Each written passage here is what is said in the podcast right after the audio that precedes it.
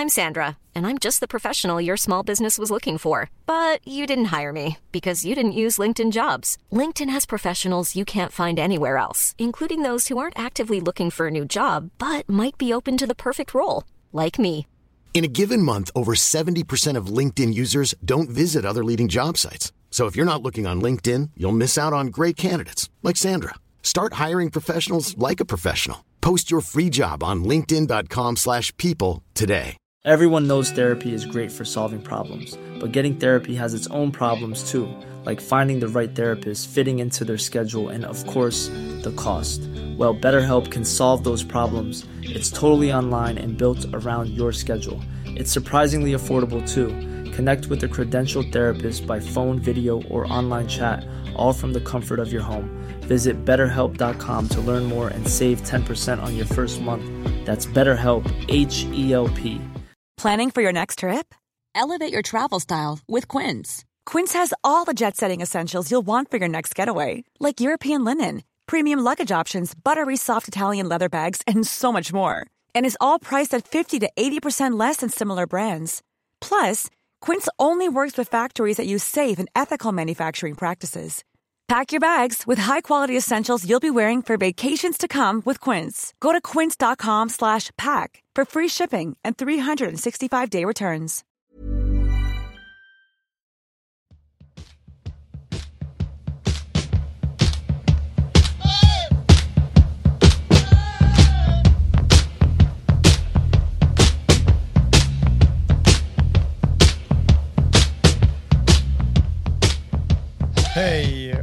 Och välkomna tillbaka till Poddplats Å, avsnitt nummer 60. Ett avsnitt som vi inte trodde skulle bli det, det innehåll vi nu ska prata om. Men hur det än är så säsongen är slut. Det är sommarlov för IF Björklöven. Och eh, ja, jag vill ändå någonstans. Jag fattar, men jag ställer ändå frågan. Hur mår Josef Häggblad? Alltså hockeymässigt och sportsligt är det ju skit, givetvis. Det känns inte alls något roligt så här. Eh, ja, det, det var ju inte så här det skulle sluta. Det var ju inte det och även om man innerst inne efter eh, ja, men match 4-5 begrep någonstans att det här är i farans riktning. Så känns det ju jättetrist den här kvällen. Man känner sig tom. Sen så är det ju, det fattar vi alla som lyssnar på det här, du och jag, vi förstår. Ja, men det pågår en väpnad konflikt i vårt närområde. Alltså, vi fattar att det finns andra värden som är viktiga på riktigt. Men sport är viktigt för många och jag utgår från att det är rätt många lövare som har mått ganska dåligt idag. Så är det. Och jag utgår från att det är samma sak för dig. Ja, det är det. Eh, än om jag eh, liksom någonstans redan igår kväll eller under matchens gång igår. Vi sprattlade till ett par gånger där, men där, jag började liksom redan där börjar jag och jag hade nog redan tidigare Börja bearbeta att det kan. Det nu är det nära slut på något sätt. Ehm, men ändå, man, man hoppas ju in i det sista såklart. Och när det då igår var klart, då vart jag helt tom bara och jag hade. Eh, det var inte alls. Jag var ingen rolig människa att vara med och så. Eh, och idag så har jag kört 55 mil bil och jag har hunnit lyssna en hel del podd, prata en del i telefon med folk och så där också debriefa sig lite grann och, och ja, men bara prata och sen fått lyssna på lite andra poddar. Fått lyssna på lite intervjuer med spelare från matchen igår och så där. Så att det har som varit en, en bra. Bra rehabdag om man får säga så för mig personligen. Så, men eh, i övrigt är det ingenting att klaga på rent livsmässigt. Jag har hälsan i behåll, mat på bordet, tak över huvudet så att jag ska inte klaga alls på något sätt. Men just sportsligt så är det väl inte så jätteroligt just nu. Eh, I vilket fall, vi ska prata om match 6. Såklart. Och så ska vi prata lite varför vi inte tog oss till finalen. Lite truppläge som vi nu har när säsongen är över. Vi ska nudda vid SM-slutspelet. Vi ska prata kvalserien till Hockeyallsvenskan, lite J20 och så sen mot slutet lite NHL också. Eh, men jag tänker att vi kör igång det här avsnittet med att prata om match 6. Ja, ja men det är ju så här. Man mot sitt eget förstånd eller på att säga så. Eh, ja, vi, man, man, man har ju någon slags ett hopp, även om man med sitt förstånd har sett hur, de, eh, liksom hur den här semifinalserien har utvecklats. Och någon slags hopp fick man ju. Vi ledde ju faktiskt efter period ett. Det är ett jättefint hockeymål utav Maxim Fortier. Han bryter en passning eh, och kom fri och vikna axeln och, och dra bort eh, Myrenberg så står det 0-1. Jättefint eh, hockeymål. Och jag tycker också att vi...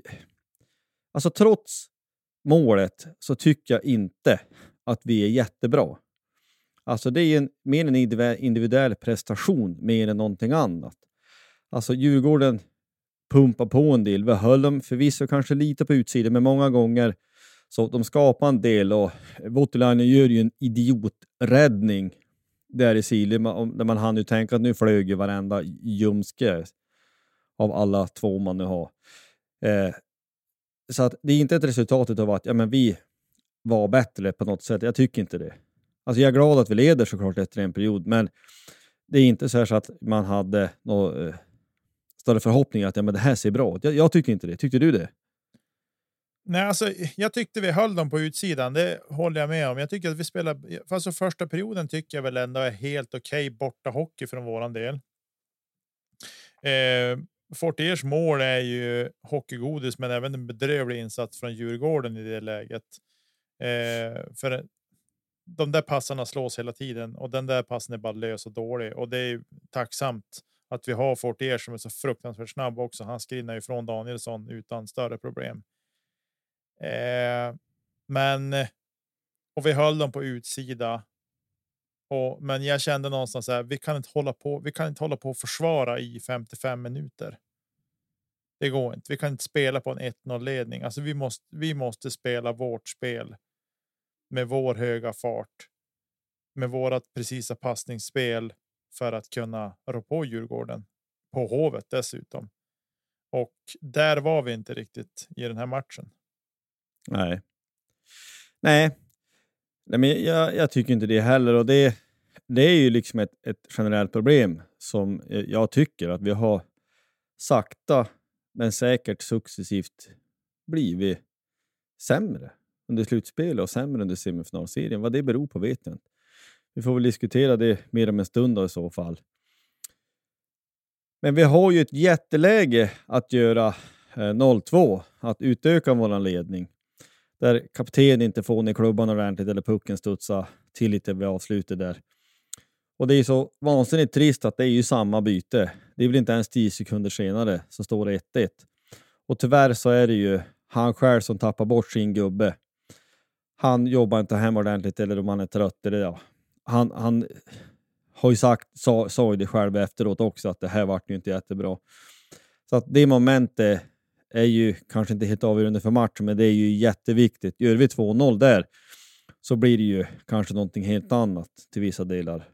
Men eh, det blir ju 1-1 där och så går det ju inte så lång en stund heller då där, eh, mm, där de får göra 2-1. Där Cameron Ernst Schilling får göra 2-1. Och det är ju ja, det är inte ens en minut senare. Och det där, alltså det är så enormt frustrerande. Där alla i hela Sverige, förutom de två som behöver se det, ser att det är en felaktig handstoppning. Och eh, det är ju ett mål som inte ska vara ett mål. Det ska vara ett powerplay för oss. Jag tycker att det är helt givet. Och det är någon som säger, man har hört, ja men man får inte ringa på det. Nej, men ringa, det ska inte behöva ringas någonting. Det ska, domaren ska bara döma ordentligt, punkt. Det är, det är liksom powerplay för oss, inget mål. Givetvis. Eh, ringa eller ej, det, det, det är för dåligt. Det är för dåligt. Och vi, vi må låta som bittra gnällspikar, det tillåter oss vara. Men det där är så uppenbart att det är... Jag tror inte på någonting annat än inkompetens, men den kompetensen måste höjas. För, för i en sån här viktig eh, semifinalserie får man inte göra sådana där misstag. Så enkelt är det. Nej, så är det. Jag, jag håller med dig. Jag tycker att det är för jag tycker att det är för dåligt att alltså att det där ens för huvudtaget får ske och så sen liksom så här efteråt. Det, det här är ju Sveriges mest omtalade handstoppning någonsin tror jag. Just med hade det inte blivit mål, då hade man kanske brytt sig så hårt. Men nu att det just och så sen ska de ringa på målet. Jaha, men nu ring dem på det här ändå för att det har hänt någonting i. Nej, men vi har kollat om målvakten stördes. Men. Vänta, hur kunde vi hamna där? Så att, ja, jag nej. vet inte. Nej, men det, det är väl klart. Det, eller klart. Regelverket är väl sånt att du kan inte ringa för allt. Och det är väl i någon mening rimligt. Nu vet inte om jag är övermåttan pragmatisk om jag säger så här att eh, tittar du på det där så ser du den felaktiga handstoppningen. Hade, vi säger i det här fallet domarparet sagt att ja, men det är en touch på målvakt, det är bortdömt. Så jag vet inte. Hade någon protesterat? Alltså om de själva hade sett oj, oj, oj, vi minns en felaktig handstoppning. Ja, men vi har liksom ringt på det. Vi säger att eh, det touchar målis. Alltså att man genom... Ja, jag, jag vet att man kanske inte kan göra sånt, men vi säger att om det hade varit det motsatta så hade man kanske förmodligen blivit frustrerad. Men man hade ju inte sagt någonting om att målet dömdes bort, kanske. Ja, nu, nu greppar vi halmstrån, det fattar vi också, men eh, nej, det, det, det är dåligt bara. Ursäkta, det är katastrof, uselt. Så ja, här dåligt får man inte döma. Jag säger så här, jag, jag kan ta alla dagar i veckan att det inte blir en tvåa på det, för det finns ju som ja, olika grader i helvetet eh, på det här. Att antingen blir det bara en felaktig handstoppning och så blir det teckning och då flyttar man ljudteckningen också. Eller så blir det en två minuter för att du har greppat pucken. Eh, och ja, det blir allt det, hela det här blir ju. Det tar för mycket fokus och just att de gör mål också. Hela den där ah, soppan gör att man blir än mer galen över att de missar den där handstoppningen. Och äh, jag tycker att det, mm, det är sorgligt, men det är ändå inte. Det är inte där vi förlorar matchserien ska vi ju säga, utan det är ju liksom att vi kommer inte upp i nivå och vi är inte. Vi är inte så bra som vi kan vara. Nej, eh. Nej men alltså vi, vi har ju tycker jag haft en del missflyt med domsluten. Men hade vi kommit upp i nivå så domslut eller ej, då hade vi gett oss en riktig chans att ta hem den här semin. Det är ju det är liksom ett dåligt domslut och det retar igen återigen då att det går ungefär två och en halv sekund så ska Wettergren försvara det här. Det är ju det är också tycker jag, det, det är för klent ledarskap. Du måste kunna säga att ja, men vi förstår att det här är en tveksam och eh, ja, han skulle kunna kritisera domslutet. Eller ännu hellre, säg ingenting. Du behöver inte säga någonting alls. Men det är som att det ska släckas bränder och försvaras varenda domslut, hur dumt det än blir, att man har målat in sig det hörnet. För att även om vi eh, kvitterar inom Mustonen, jättebra avslut också måste sägas. Det är ju hårt i gubbhörnet, det är fina hockeymål. Men där i slutet så gör ju de 3-2. Där jag kan tycka att det är jättemärkligt att eh, det blir som det blir. Men deras, deras spelare, vem det nu var som teka, har fått en varning. Vad säger du? Emil Berglund var det. Ja, Berglund. Ja, precis. Ja, just det. Ja, nej, men han har fått en varning redan. Det innebär att kiva han igen så ska han åka ut. Och de, jag tror helt enkelt de vågar inte. För det är ju helt uppenbart för alla, det är bara att titta på det. Han tjuva och den där teckningen, eh, den är ju felaktig. Så enkelt är det. Det där är omöjligt att vara okej. För så där klockrent förlorar ingen en teckning. Nästan aldrig åtminstone den är felaktig. Jag tycker inte att den är tveksam. Det är helt givet att den där inte är som den ska. Och domaren släpper väl inte ens pucken ens i närheten av mitt på teckningscirkeln heller. Så att Freddan som då tecknar för vår del, han ges ju inte chansen att vinna den där teckningen.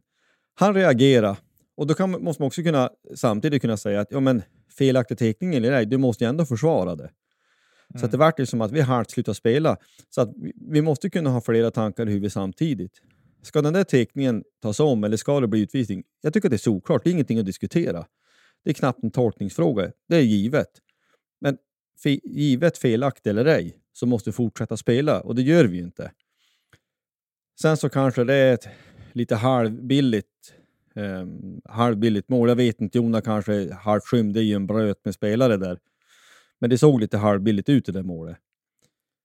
Eh, det ena Ja, motsäger inte det. andra. Det gjorde det. Det såg ut, det såg ut som ett, halv, ett halvbilligt, men det var ett kliniskt avslut. Alltså avslutet går inte att säga någonting om. Det är ju just hur passen kommer till som man ställer sig frågande till.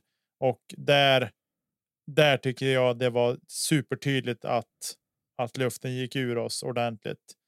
Eh, hade vi hållit 2-2 perioden ut, ja, men då hade det sett, kunnat se annorlunda ut i tredje. Men eh, nej, de, de fick 3-2. Det var, ju, det var inte så mycket kvar på perioden heller, så det är klart att det är psykologiskt viktigt eh, att få komma ut i ledning i tredje eller att du ska gå ut i lika läge och känna pressen att eh, ja, men, vi måste vinna matchen. Den pressen har ju vi spelat med eller haft på oss sedan match fem. Eh, men nej, jag tycker att det, det är många faktorer som spelar in i det här, men bara det faktum att vi har Rahimi gör två mål, motståndaren och 41, 41 gör ett mål. Vi har massor av sparkapital i vårt lag också. Eh, och framförallt i den här matchen ska vi säga. Ja, ja men det är så. Fortier vet vi ju, han spelar ju skadad. Det har ju varit en in- inofficiell hemlighet hela tiden. Mm. Eh, han har ju inte bara, han har ju sett hämmad ut och vi, ja, men vi vet att han har ju varit skadad. Han har ju tagit en för lag, laget och, och kört ändå. Men det är för många som har varit osynlig, i alla fall i meningen att han skulle hoppas att de kunde ha klivit fram lite till. Det känns fel att halvt i affekt, fast det har gått ett dygn, börja kapa spelare kanske. Men att vi behöver ju spelare som kliver fram. Jag tycker som vår första lina har varit okej ändå. Weigel har varit, påslagen. Schilke har väl snittat en poäng per match eller vad det nu är. Pole har varit bra. Men vi... Det lite blött krut, lite missflyt. Vi påminner om match, eh, liksom match fyra när Pole hade en i ribban när det stod, när det stod fyra lika. Till exempel, Sittens hade st- stor chans att vi vinner, för det var ju inte alls mycket kvar i perioden då vill jag minnas. Men Mm. det är mycket detaljer om ett om och men fanns. Vi förlorade med fyra, två matcher, det går inte att snacka bort. Nej. Det går inte. Det går inte det. Nej, så är det. Eh, det går inte att säga någonting om det. Och vi ska säga så här också. Stråle, han var stor efter matchen. Han tog på sig förlusten som ledare och skyllde inte någonting på någon annan än sig själv. Han är ytterst ansvarig och han anser att det är mitt, mitt uppdrag är att se till att vi får ihop det här och det gjorde vi inte nu. Eh, så det tycker jag är snyggt gjort av han ändå. Eh, så där i stunden så var han stor. Sen såklart. Eh, han var rätt tom i blicken och eh, ja, frågeställningarna till honom är ju frågeställningar för att ställa frågor, inte kanske med sån stor andemening att man ska få några vettiga svar heller. Och jag vet inte riktigt vad han ska kunna ge för svar. Eh, men. Ja, för att avsluta och knyta ihop den där matchen så så tycker jag. Vi kommer inte upp i nivå. Djurgården kan spela avslappnat på ett annat sätt, för de vet att vi måste, måste, måste vinna. Eh, Djurgården ville vinna, eh, men hade inte måstet på sig och gjorde att de kunde spela lite mer avslappnat och att vi kom inte upp i nivå ens nära. Dessutom tyckte jag också Jonas släppte ovanligt mycket returer i den här matchen också. Nu gjorde de väl inte mål på någon retur vad jag minns, men det skapar ju en hel del oreda ändå för oss. Eh, men eh, torsk 4-6. Det är rätt tydliga siffror får man ju ändå säga. Ja, men ser man också genom den här matchserien så tycker jag faktiskt att det är, det är helt enkelt så. Vi har släppt in för mycket mål. Vad blir det? 12. Vi har släppt in 23 mål. Om man får det här snabbt. 23 mål på eh, sex matcher. Det är ju, då, då, då vinner du inga slutspelsserier. Så enkelt är det. Eh, och liksom om vi ska börja på släppa in 4, 5 och 6 mål per match och, vi måste göra 5, 6 och 7 själv för att kunna vinna. Det, det, blir, det blir ohållbart helt enkelt. Nej, men den här matchen det är inte så mycket att säga om. Jag hade på känn och jag, jag på något vis hade lite grann checka ut efter match 5. Match 4 och 5, vi hade behövt ta minst en av dem. Eh, när de liksom skulle få chansen att få matchboll på Hovet och anar man någonstans vart det här ska bära iväg. Så vi stänger väl match-tracks och så, så fortsätter vi lite grann.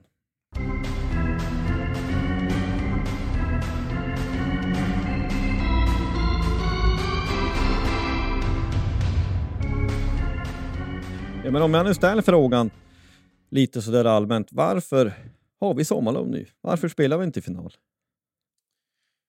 Vi har ju varit inne lite grann på det redan, men kort och gott så vi var inte oss själva i semifinalen. Det är mitt korta svar. Eh, och den lite längre analysen är väl att en av sex matcher var vi oss själva. Och det var nog första matchen på Hovet och våran senaste seger. Där jag tycker att där såg man vad vi kan när vi gör saker och ting på rätt sätt. Eh, matchen hemma som vi vinner så var vi väl. Vi var. Vi var bra, men eh, den gick till förlängning och och, och så där.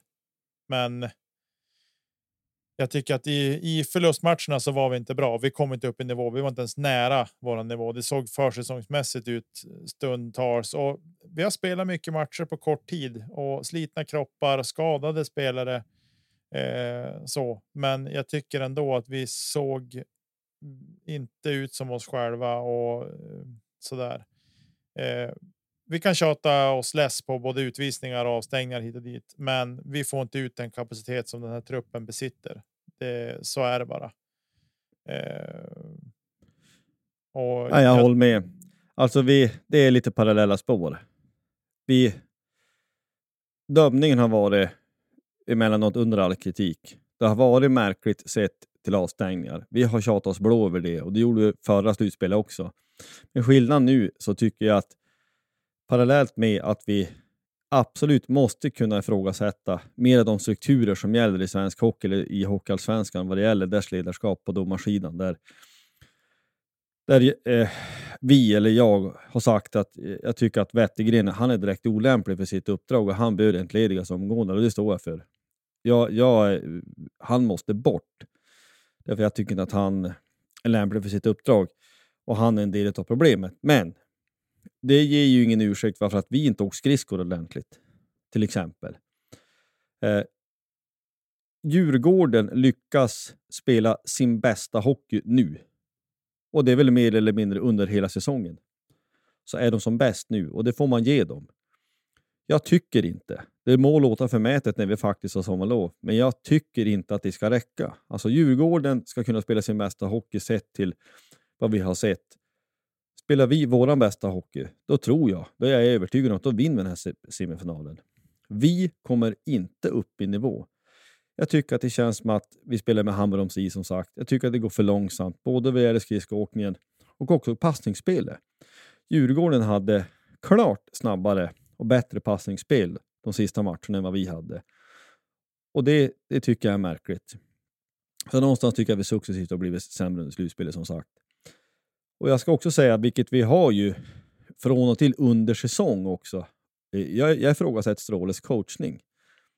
Under, semifinal, under semifinalspelet och under, ehm, eh, men under säsongen i stort. Jag tycker inte att Jacke Andersson ska spela powerplay till exempel.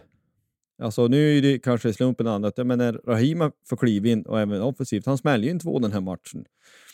Jag tycker Nörsteby ska gå före. Jag tycker ganska många backar ska gå före. Han är för långsam och för drällig med pucken.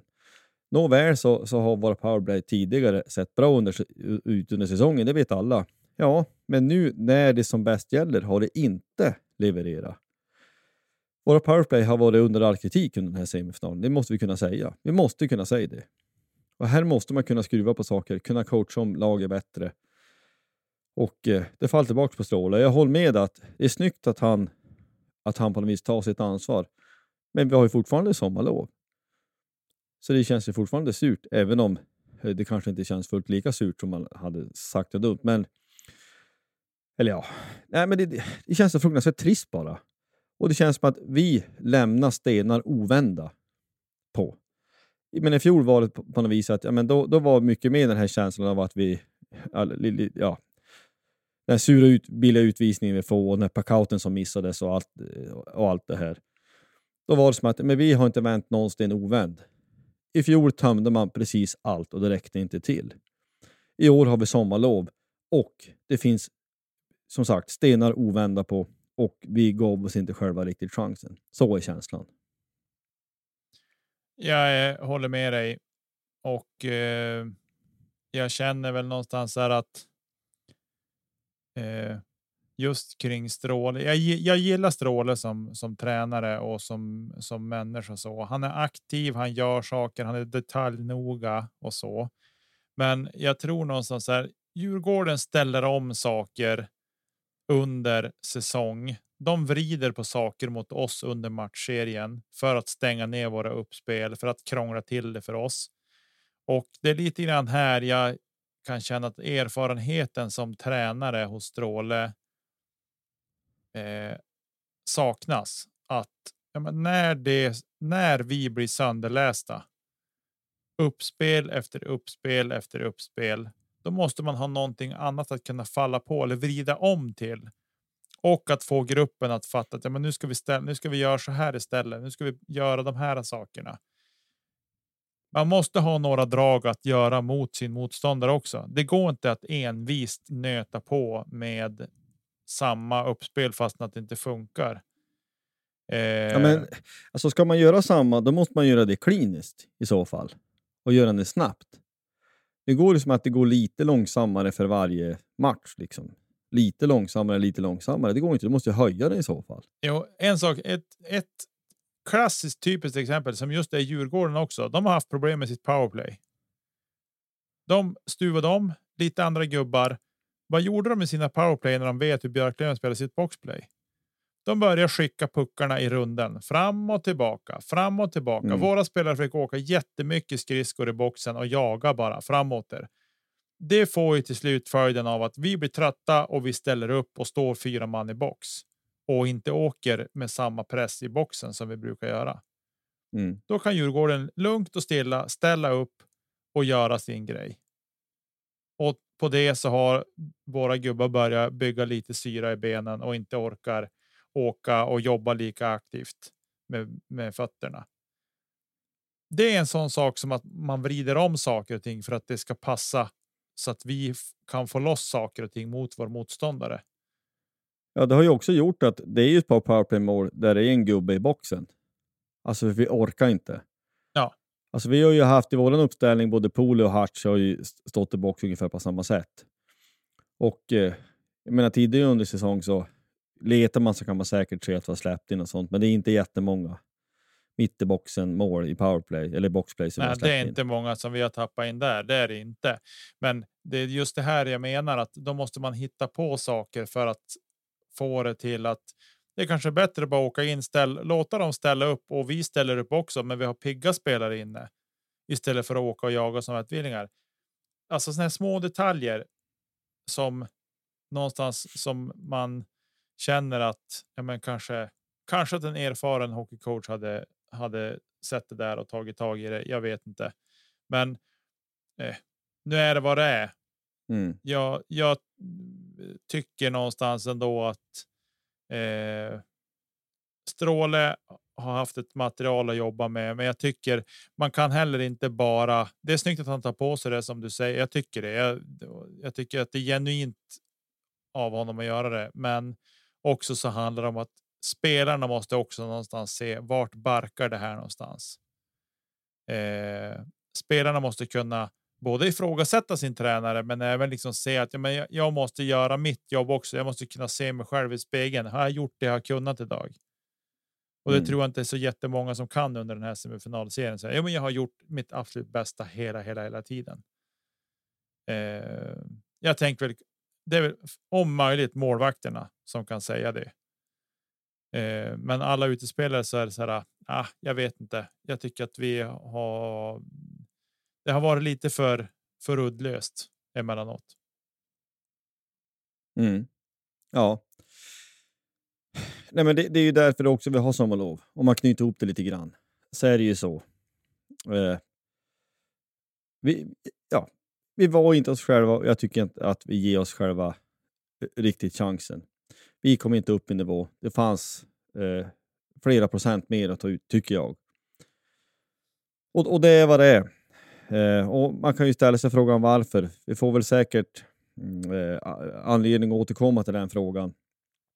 Nu har, det bara gått, ja, nu har det bara gått ett dygn så eh, vi, får, vi kanske får lämna just den frågan därhän. Men eh, sett till laget vi har och den trupp vi har nu. Vi Skit i vem som har varit halvlytt och skadad och på det sättet. Men eh, både vad du tror och vad du skulle vilja, om man nu ser bort ifrån, det finns ju så många variabler. Målvakter, Jona Återlainen, han har kontrakt till 24-25. Dioro går ut. Vad hoppas du och vad tror du där? Eh, jag hoppas att vi får behålla Jon i alla fall. Så mycket kan jag säga. Eh, gällande Diorio. Han har nog varit en bra eh, bra andra målis till Jona, men jag tycker att de är för olika i spelsätt.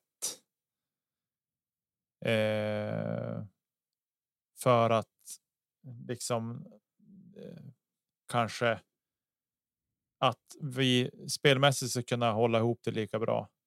Så att, men skulle han stanna så ska jag inte gråta heller. Alltså, det, jag tycker inte att han, jag tycker inte att han var usel. Det tycker jag inte. Eh, han håller. Han håller allsvensk nivå. Det är väl liksom så jag skulle säga och kan vara en, en bra backup. Det var hans första år här. Han kan ju blomma ut nästa säsong också. Mm. Jag har ingen aning om om. Låt säga att han stannar för Björn Bjurling har ju kontrakt över nästa säsong också. Eh, att de får jobba ihop ännu mer och, och Bjurling kan sätta sin liksom sina jobba med sina detaljer på det året lite mer så kan han ju bli en helt enastående och fantastisk målvakt. Ja. ja, det är möjligt och ska han vara kvar så tycker jag att det krävs. Alltså, jag tycker att eh, det vore bra om vi kunde snappa upp konkurrensen. Om vi hade en som verkligen också konkurrerar med Jona om första spaden så att de sparar varann. Mm. Eh, för jag tycker inte att det har varit riktigt så. Alltså Jona är solklar etta och det kanske var så, men eh, om du fick in en bättre andremålvakt eller om Alex Diorio tar ett kliv till så att de verkligen konkurrerar med varandra. För vi ska också minnas att Jona är fortfarande ganska ung. Så att han har inte nått sin peak, det finns mer att ta av där. Jag ser gärna att Jona är kvar. Eh, är Diorio kvar så behöver han ju, eller måste han kliva fram mer, vilket är fullt möjligt kan. Annars mm. så tycker jag vi ska försöka uppgradera där. Ja. Så. Men om vi fortsätter på backsidan så... Ursäkta. Mattias Nörsteby 26-27, han förlängde ju ganska nyss här. Vi har Kim Johansson 24-25, Jesper Lindgren 24-25, Linus Kronholm 24-25, Jakob Andersson 23-24, Jusula 23-24 och utgående har vi eh, Charles David Baudin, Daniel Rahimi och Vete Vaino. Vi måste alltid ha den här brasklappen när vi pratar om sånt här nu och under hela sommaren att kontrakt betyder ju ingenting. Nej, precis. Jag vill komma till det också. Just det här med att vi vill gärna behålla Jona. Det är av den anledningen att kommer en SHL-klubb nu och säger vi vill ha Jona. Då får vi bara vackert släppa honom för det finns en klausul som är helt. Jag hatar det här med att det bara de kan välja och vraka och ta vad de vill och vi får mer eller mindre inga pengar alls för det. Nej, och att det kan ske ganska sent. Ja, det retar mig någonting så kosmiskt. Det hade varit en helt annan sak om ja, men då får ni pröjsa. Då får ni betala det hans kontrakt är värt. Punkt. Det hade jag, ja. Då hade jag liksom köpt det om de kunde komma och ta honom. Klausulen finns. Ni måste släppa honom om det finns en klubb som vill ta honom. Men de får betala för honom. Ja, nej, men det, det har vi. Det är liksom en av den här liksom poddens käpphästar. Vi har så mycket att lära fotbollen. Eh, det gick inte honom flera varv till, men ser man på den här backsidan så alltså fick jag önska bara rakt upp och ner så, eh, så skulle jag önska att vi uppgraderar Jakob Andersson. Charles David Baudin gillar man också, men han tror också går upp, uppgradera. Jag hoppas innerligt att Rahimi vill fortsätta och att vi kan eh, fortsätta med han.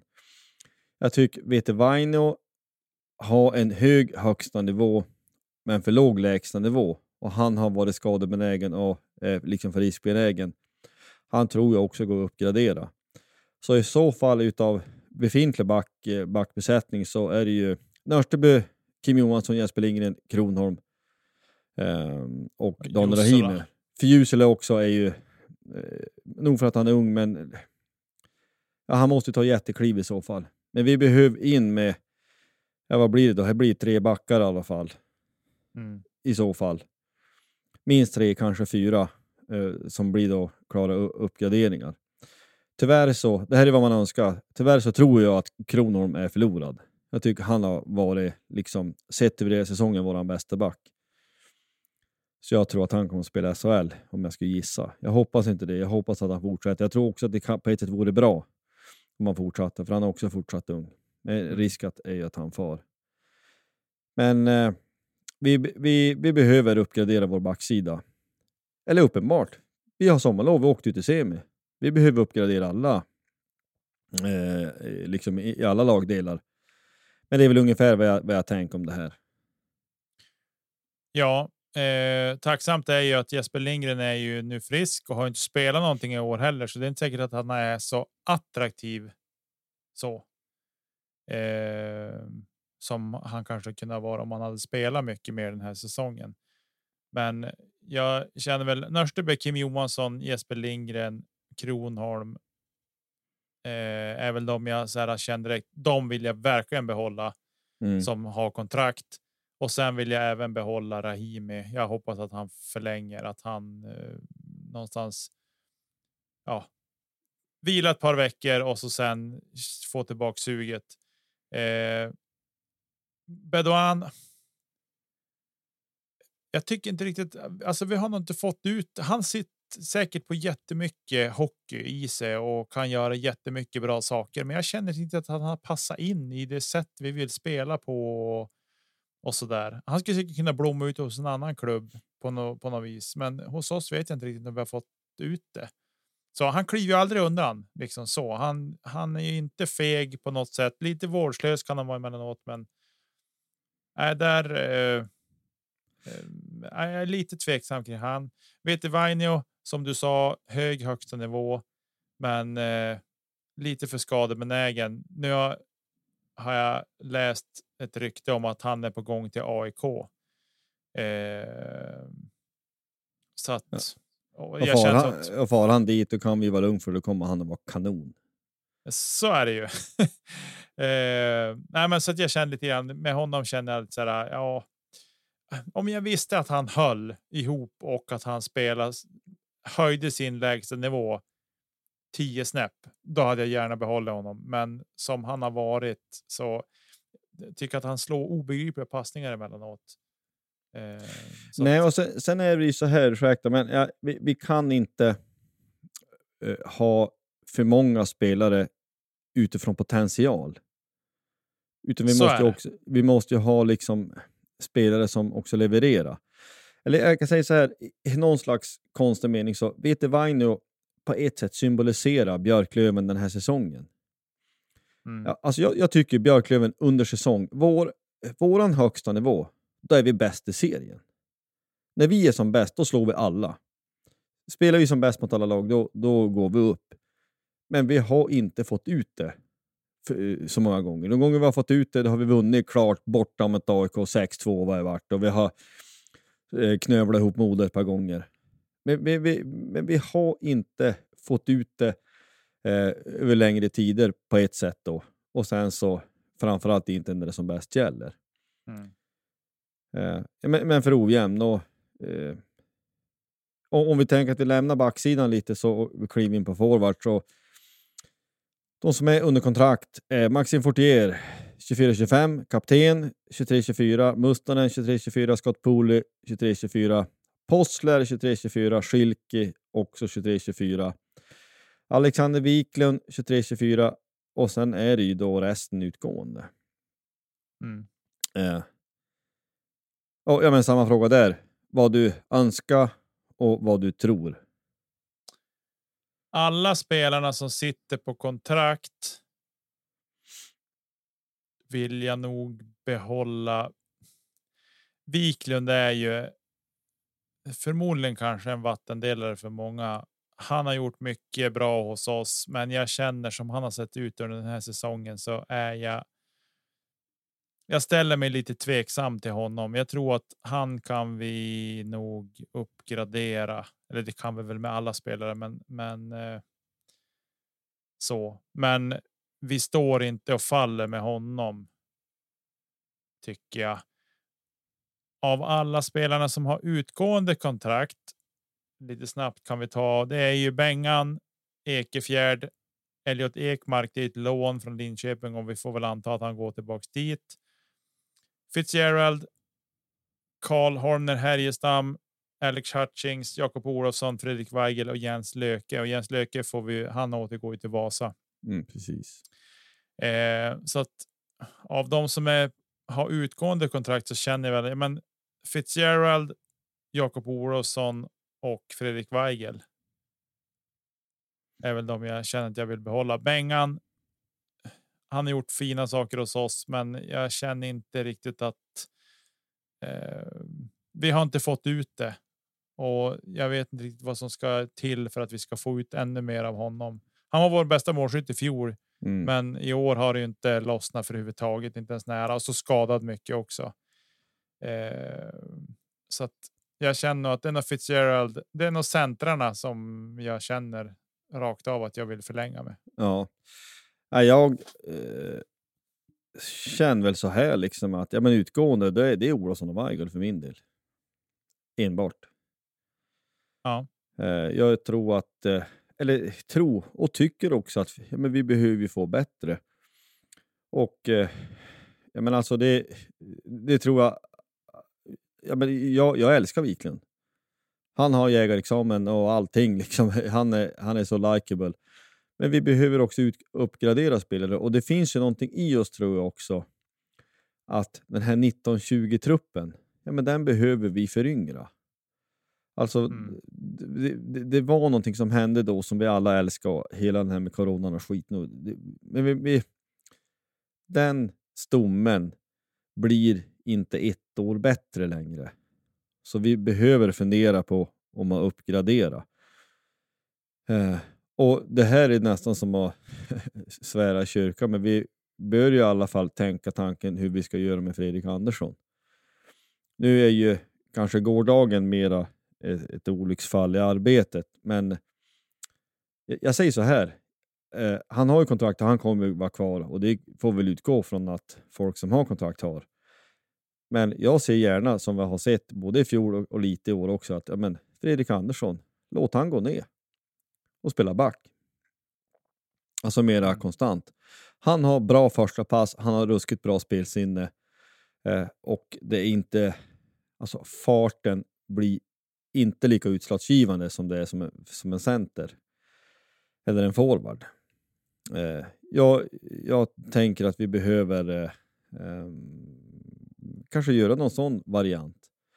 Han skulle absolut göra det minst lika bra tror jag som vad Baudin och Weiner gör till exempel. Och eh, det skulle i så fall betyda då, om, om Fitzgerald inte blir kvar, då har vi två centrar i eh, naturliga centrar då, i Olofsson och Weigel om då Fredrik Andersson spelar back. Och då kan vi också då uppgradera. Att då, om vi då lyckas få in en klockren första center, Weigel andra, Olofsson tredje och en ny shutdown center, fjärde då.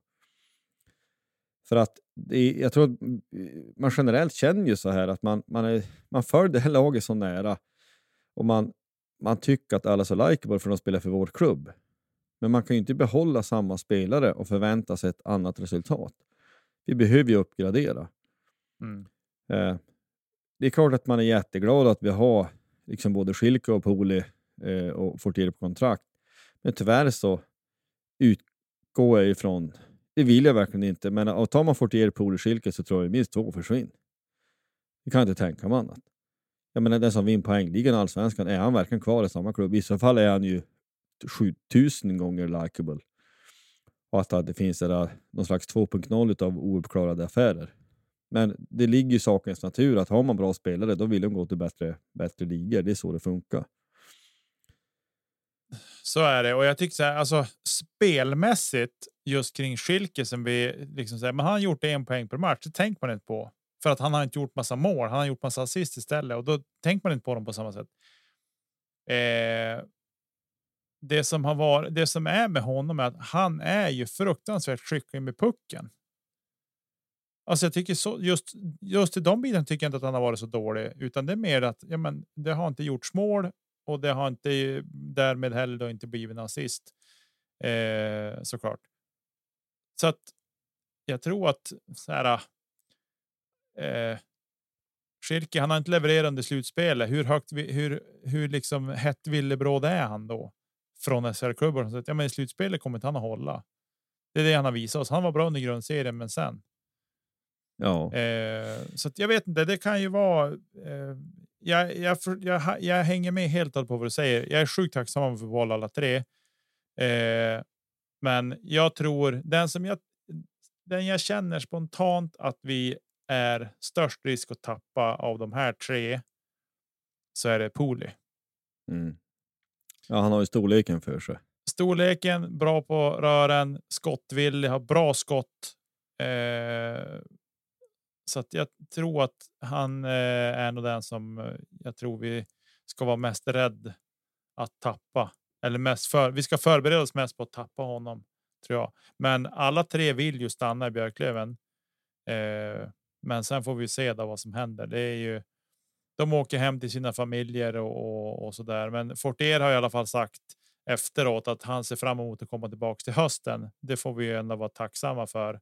Men mm när det ligger ett kontrakt med bra mycket mer pengar varje månad in på kontot och så där. Så det är klart att då kommer han att tänka både en och två och tre gånger om liksom vad han.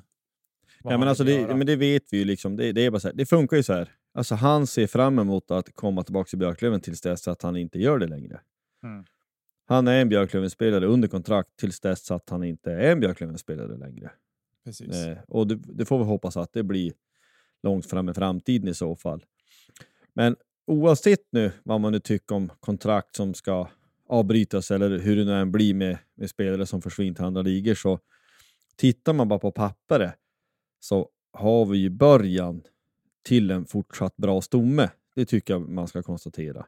Ja. Och, och, och pratar vi om de här spelarna som har varit med några år som man är tveksam till eh, på ett sätt och fast de har kontrakt så handlar det ju inte om vi är alltid människor först och spelare sen. Utan att vi, vi behöver ju helt enkelt förstärka vårt lag.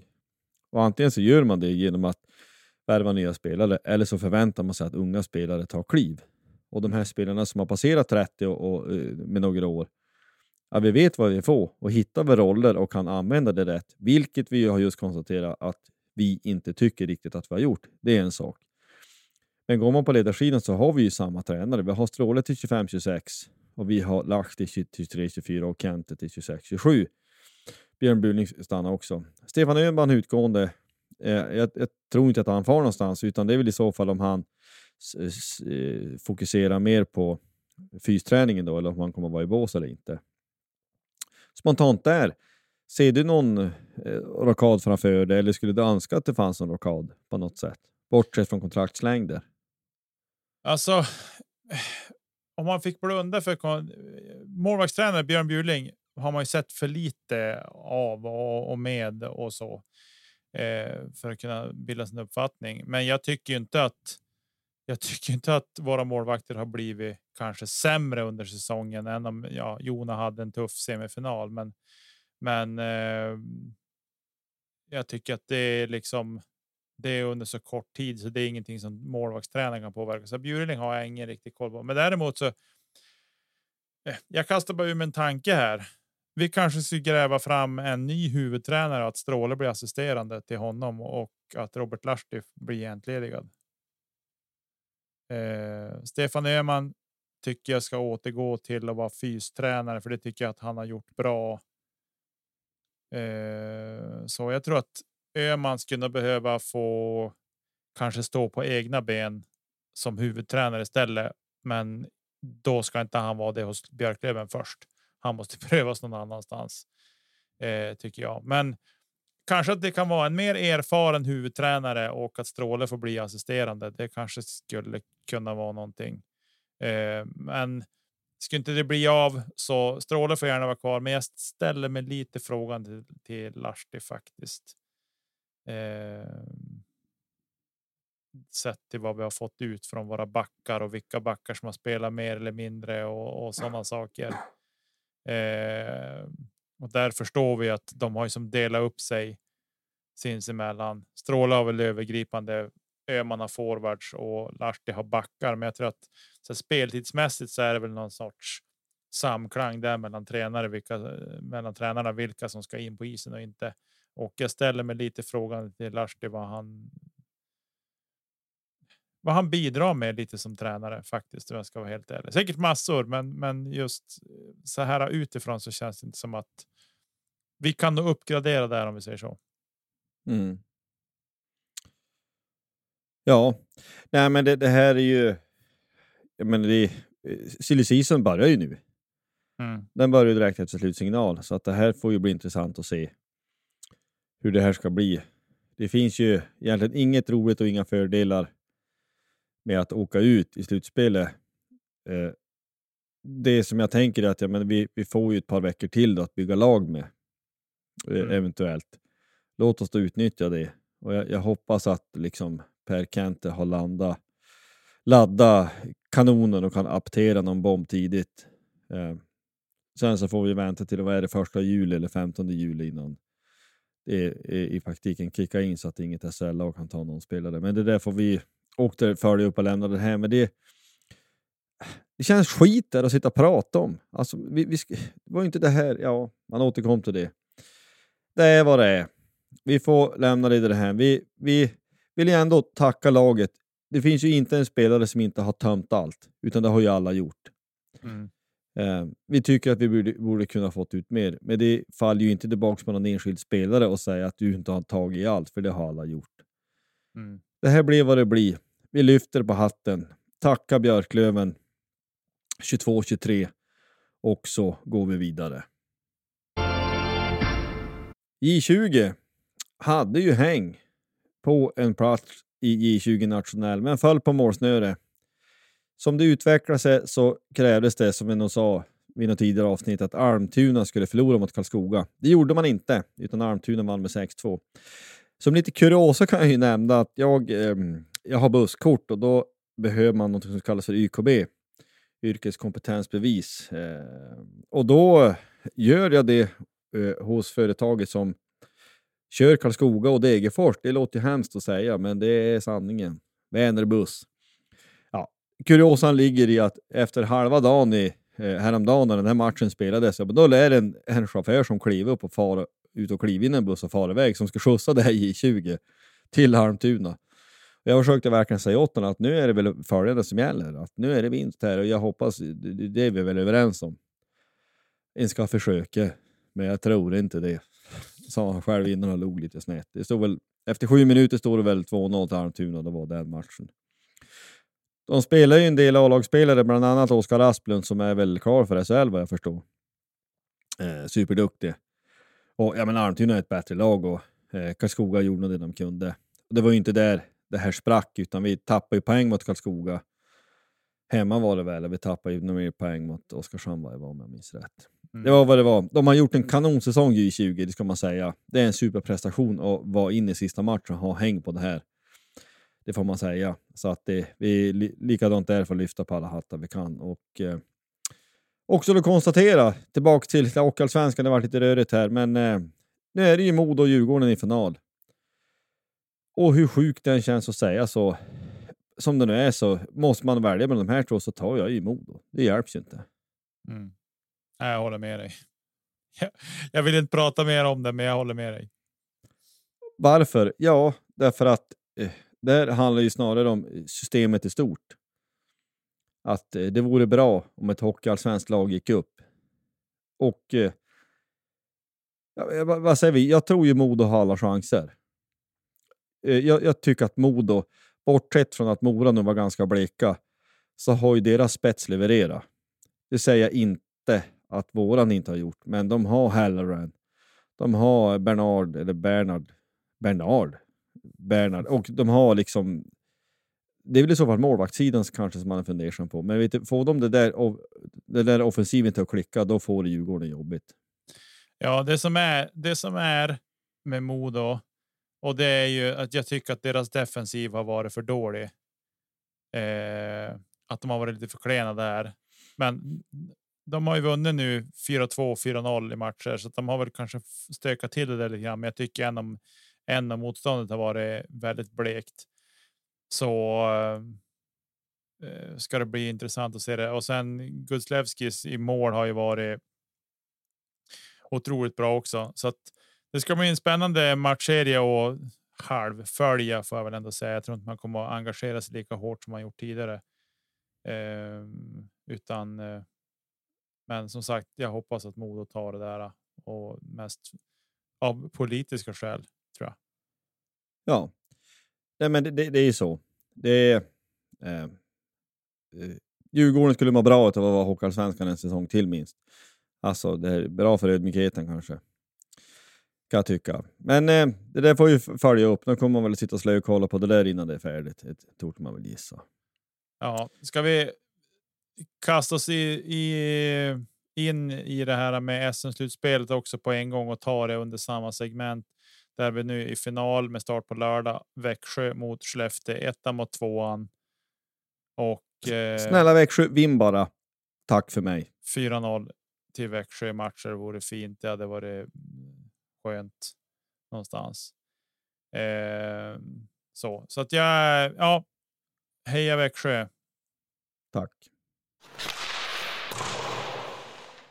Kvalserien till Hockeyallsvenskan utvecklas ju till att bli fortsatt det här äh, lite gastkramande som vi kanske anade. Och inte vet jag väl, det beror på vilka man håller på, men också hoppades. Efter sex matcher ser tabellen ut som följer. Etta Hudiksvall 12 poäng. Tvåa Kalmar 12 poäng. Trea Väsby 10. Fyra Nybro 10. Femma Troja, 7 poäng sladdar lite grann och Piteå är avhakad på 3. Men alltså, det här utvecklar sig till att bli väldigt intressant. Det var flera matcher det, i, ja, när vi spelade in där samma kväll som vände och for lite grann. Väsby låg under eh, eh med 3-1 mot Piteå om jag förstår det här rätt. Likväl så eh, gör de fem baljer i tredje och vänder till 3-6.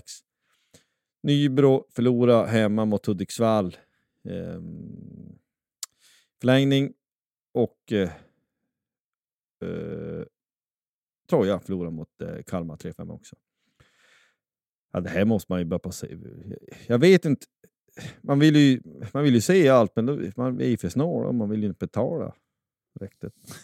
Nej, det är det som är. Men det går ju att se i alla fall. Hockeyettan har ju en egen egen eh, live feed på det där där man kan köpa abonnemang och grejer för att mm. se de där matcherna om man vill följa det. Men det är ju tätt alltså. De har gjort lika många mål Hudiksvall och Kalmar, men däremot har Kalmar släppt in ett mål mer då och därmed ligger de på andra plats.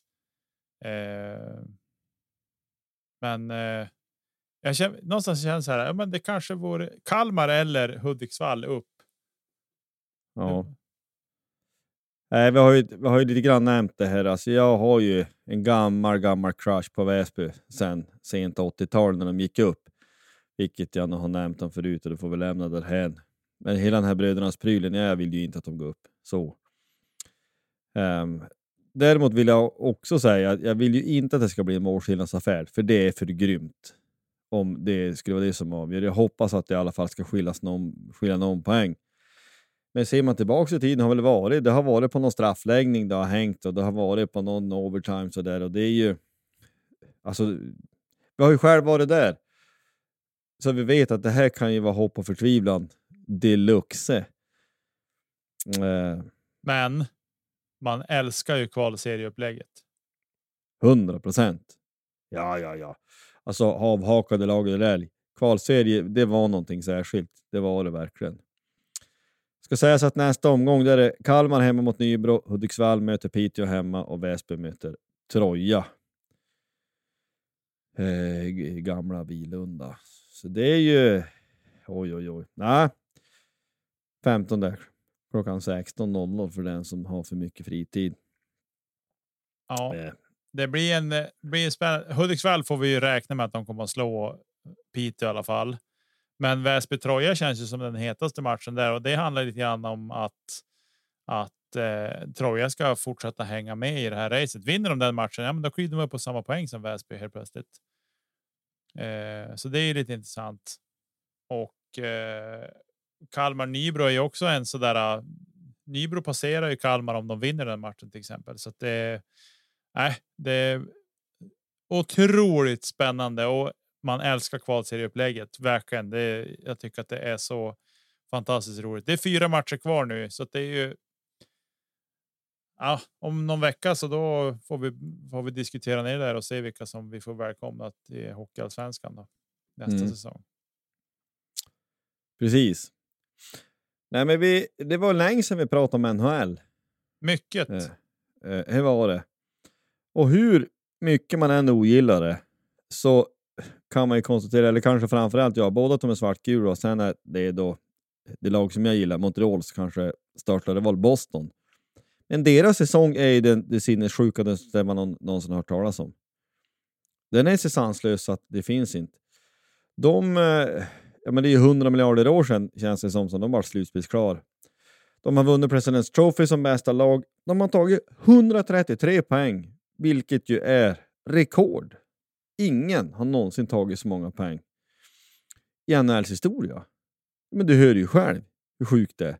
Deras målskillnad, de har plus 127. Mm. Det är sjukt. Hur är det möjligt? De har spelat 81 matcher och förlorat 12. Mm. Det är helt sjukt. Alltså målskillnaden är ju helt sinnes. För då kan man säga så här att då eh, Carolina som toppar Metropolitan Division. De har plus 51. Boston då i Atlantic har plus 127. Och sen har vi de här wildcard serierna då. Eh, I öst New York Islanders har plus 21. Eh, Central Dallas Stars plus 66. Golden Knights Vegas då har plus 41. Eh, Edmonton Oilers som är två där de har plus 62 så de snyggar till det. Men alltså det, de har mer än dubbelt så mycket. Mål. I målskillnad alltså. Mm. De har gjort Nej, men... 300 mål har de gjort. Ja, Nej, men en, liksom en vinstprocent på över 80. Det är ju anhörd av. Nej, men det, det är ju. Nu ska vi väl inte smörja upp jonken för mycket. Det här med svartgula lag och allt det här, men det Ja, det, det, det, det, kan man inte säga att det vore ett praktfiasko om de inte tog hem bucklan. Men det blir lite grann så också. Sällan har väl någon gått in som stor favorit till att ta hem hela klubbet. Och fortsätter man spela på samma sätt så finns ju inget lag som kommer rubba dem över sju matcher. Aldrig i livet. Men det Vad får man är det de har då som, är så, som gör dem så fruktansvärt? Vi vet att Linus Ullmark har ju slagit rekord där och gjort mål och allt vad han håller på med eh, i mål och har, gjort, har ju stått för en fantastisk säsong. Eh, så det är väl hatten av för den svensken. Men vad är det som de har i sitt spel som gör att de är så vansinnigt bra? De har David Pasternak. Han har gjort 60 mål och 111 poäng. Han är löjligt bra. Ja, men jag tänker typ som. Fast det är klart. Om man tittar på Edmonton Oilers så har de ju två spelare som gör allt i och för sig. Eh, men de är ändå hyfsade. Ja, de har, de har sex spelare är väl som har gjort över 50 poäng i övrigt. Alltså de har, det blir en, en jämn... De, eh, Pasternak har ju sprungit iväg, men i övrigt så har de en ganska jämn fördelning på ett sätt. Alltså de sprider ut eh, poängproduktion över många spelare. Mm. Och det innebär väl då att eh, eh, Ja, men alltså, är det någon som liksom, ja, men, faller av någon kväll eller har en sämre sorts kväll, är det någon annan som kliver fram i så fall. Mm. Sen är det såklart, uh, Ullmark har ju varit helt sinnessjuk också. Han har liksom nästan 94 procent i räddningsprocent och uh, goal against average på 1,89. Så det är klart, nu, nu, vad, vad är hönan och vad är ägget? Det är klart att i ett sånt här fruktansvärt bra lag som Eh, eh, så är det kanske lättare att vara målvakt. Men det är också lättare att vara ett bra lag med en bra målvakt. Mm. Så vad som är vad kan man diskutera. Hur många poäng och, har McDavid gjort nu? Han har ju passerat 150 va? Eh, det är ju snabbt att ta fram. Eh, 152 poäng. Alltså man, man börjar ju skratt. Hej så dumt. Så. Man, man skrattar 81 matcher, 152 poäng. 64 mål. Eh, de har gjort 320 mål. Ska sägas. Han är, med, han är alltså inblandad i i princip vartannat mål. Mm. Halvbra den killen va? Han är hyfsad. Ja. Och jag vet inte hur många poäng han har gjort. Eh, vad heter han? Dreisaitl. Hur många poäng har han gjort? 137? Ja, nej, 125. 125. Men han, har, han har tappat. De pacear bra där ett tag. De låg ju och följde varandra hela tiden. Ja. Ett tag. Eh, men nu har McDavid klivit ifrån lite grann. Ah, det är ruggigt. Man tycker någonstans här liksom att men, hockeyn har blivit svårare. Men tydligen inte. Spelarna har blivit så sjukt mycket bättre också. De som är skickliga. Ja, det kan man ju fundera på varför. Eh, varför det har blivit så. Alltså när, när man till och med till vissa delar i alla fall nästan upp och sniffar på siffror och 90-talssiffror. Jag såg väl ligan i stort har väl haft eh, gett, klart över 20 procent. Alltså to totalt snittet för alla lag i powerplay är över 20 procent. Klart över 20 procent. Till exempel. Mm. Vill jag minnas att jag har hört. Och det är ju bland de bästa någonsin. Och, eh, alltså poängproduktion eh, så att säga bland spelare. Alltså det, det är liksom det vi, vi sniffar på 90-talssiffror, vilket är jätteroligt på ett sätt. Och det är väl också att folk har, vad säger man har adapted till, till, eh, till rådande förutsättningar. Det var väl bra att skydden blev mindre för några år sedan och det med att zonerna blev lite större, att det blir underlättat för, för powerplay till exempel. Och så.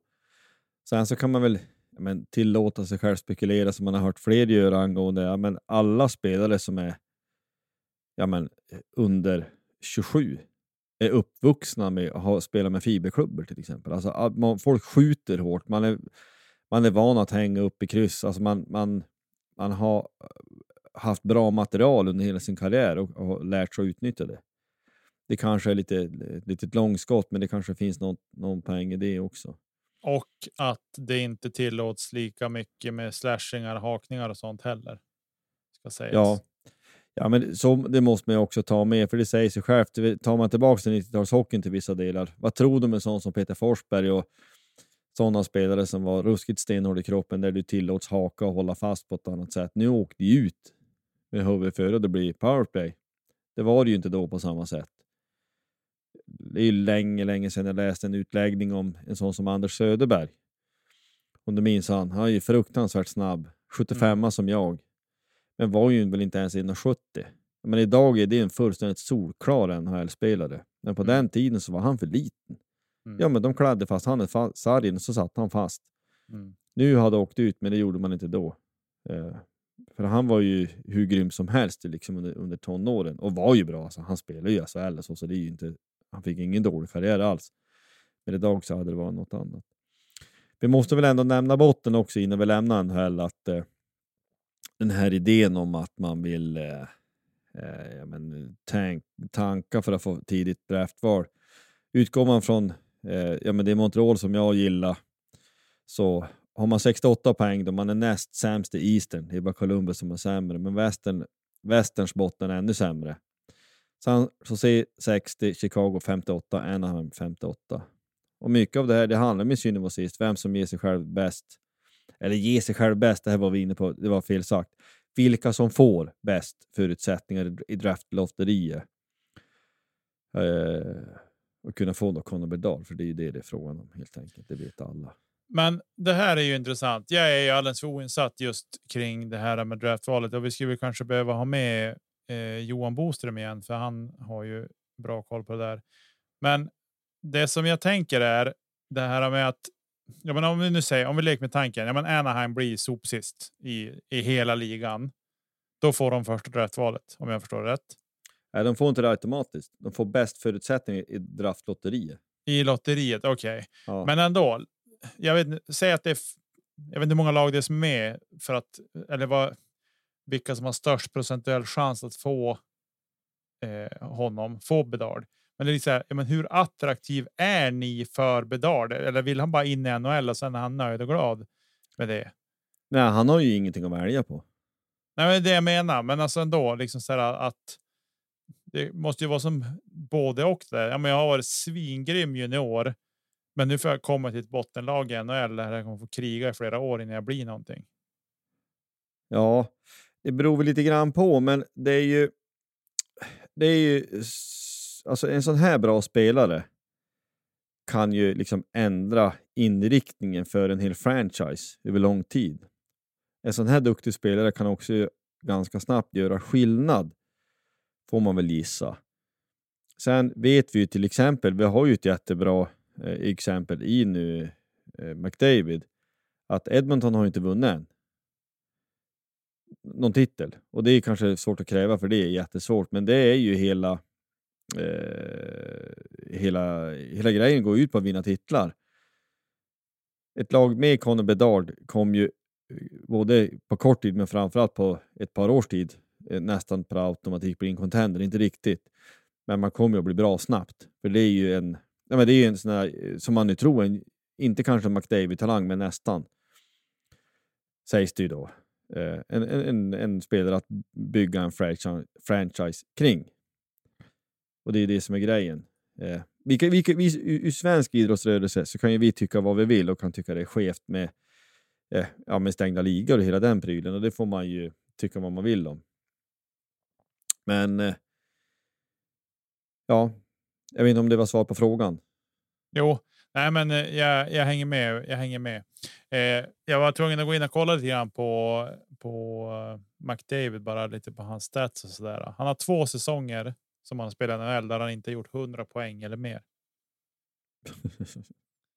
ja, man behöver inte säga så mycket mer. Säsongen 1920 då spelade han 64 matcher, gjorde endast 97 poäng. Och endast hans, ordet. Och hans första säsong 15-16 då han vill säga var nydraftad och kom in då. Eh, så spelade han 45 matcher och gjorde 48 poäng. Mm. man, ork, man orkar inte. Man orkar inte med honom. Eh, faktiskt, men eh, nej, grym, grym spelare är han och eh, nu man kan säga så här kvar. för att avsluta draftlotterier lite förenklat så kan man säga så här att eh, de som blir de sämst som tidigare. Men man införde det här draftlotteriet för att man inte 100% skulle kunna tanka. För då var det ju sämst rankade lag fick i första draftvalet, punkt bara. Mm. Så har man ju inte nu längre. Utan man har ju infört ett draftlotteri just för att du inte skulle kunna bara trada bort alla spelare och spela med liksom ECHL-spelare resten av säsongen och förlora varenda match. Eh, det brukar om jag har förstått det här rätt så är det eh, har man, de, de som blir allra sist har 18,5% chans att vinna lotteriet. Så att det är inte superhögt, men det brukar ju eh, ändå hyfsat ofta bli så. Men det är 18,5, 13,5, 11,5, 9,5, 8,5, 7,5, 6,5. Alltså i fallande ordning då på hur dålig du har varit under säsongen. Så att eh, du kan inte bara slänga bort allt, för det är inte hundraprocentigt säkert.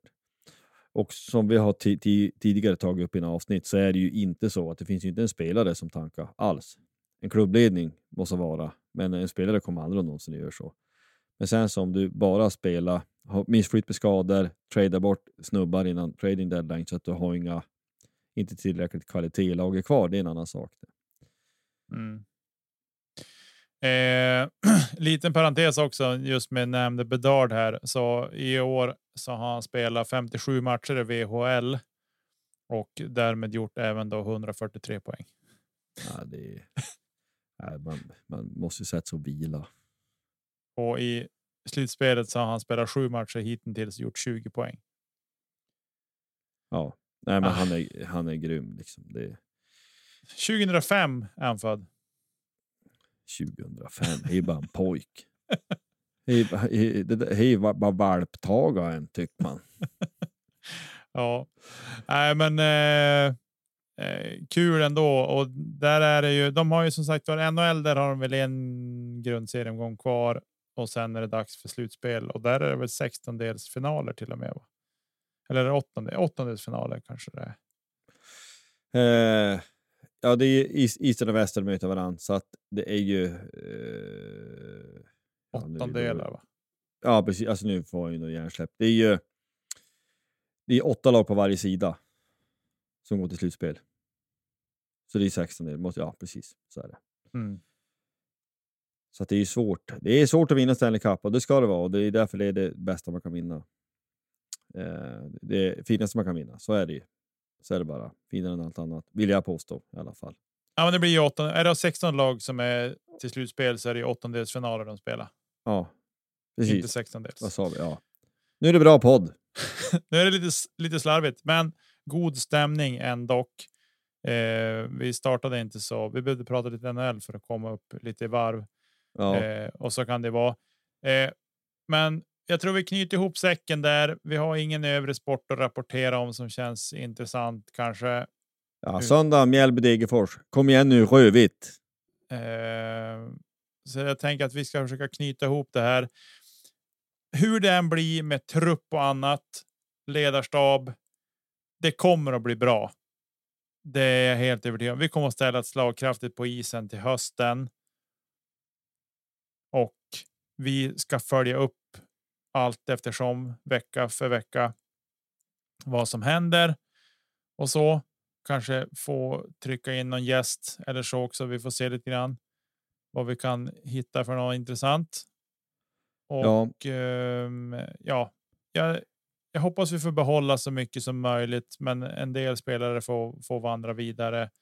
Och tack för er tid i Björklöven. Ehm, ja, Så är känner- det. Det blir en vill- besvärlig avslutning på det här avsnittet känner jag. Nu kan vi inte, alltså det, vi är färdiga. Jag, jag vet inte vad vi ska säga. Vi kan väl också säga så här. Tack för alla mm, eh, peppande hejarop som vi får. Eh, det, är, ju- det är därför vi gör det här. Och till alla er som, om man säger jag personligen då, har sett och fått lära känna på framförallt bortastå mera på södra Sverige. Jätteroligt att pratas vid, jätteroligt att träffas. Och till er som går på matcher och, och skriker och lever rövare i Umeå, lyfter vi på våra hattar. Och ni som res land och rike kring för att följa och stötta vårat Björklöven. Eh, vi, det känns skit och surt nu. Men, eh, om man har nästan lust att strunta i alltihop. Men vi vet också att till hösten, då står vi där igen. Med förhoppningar och med drömmar. Och eh, ja, vi, vi håller på Björklöven. Vi, det ligger inte i vår natur att eh, ge upp saker. Därför att då hade man gjort det hade man inte hållit på den här klubben. Så enkelt är det. Precis så. Vi avslutar med de orden och säger stort tack för att ni lyssnar på oss. Vi hörs igen nästa vecka. Forza Löven! Hej, hej,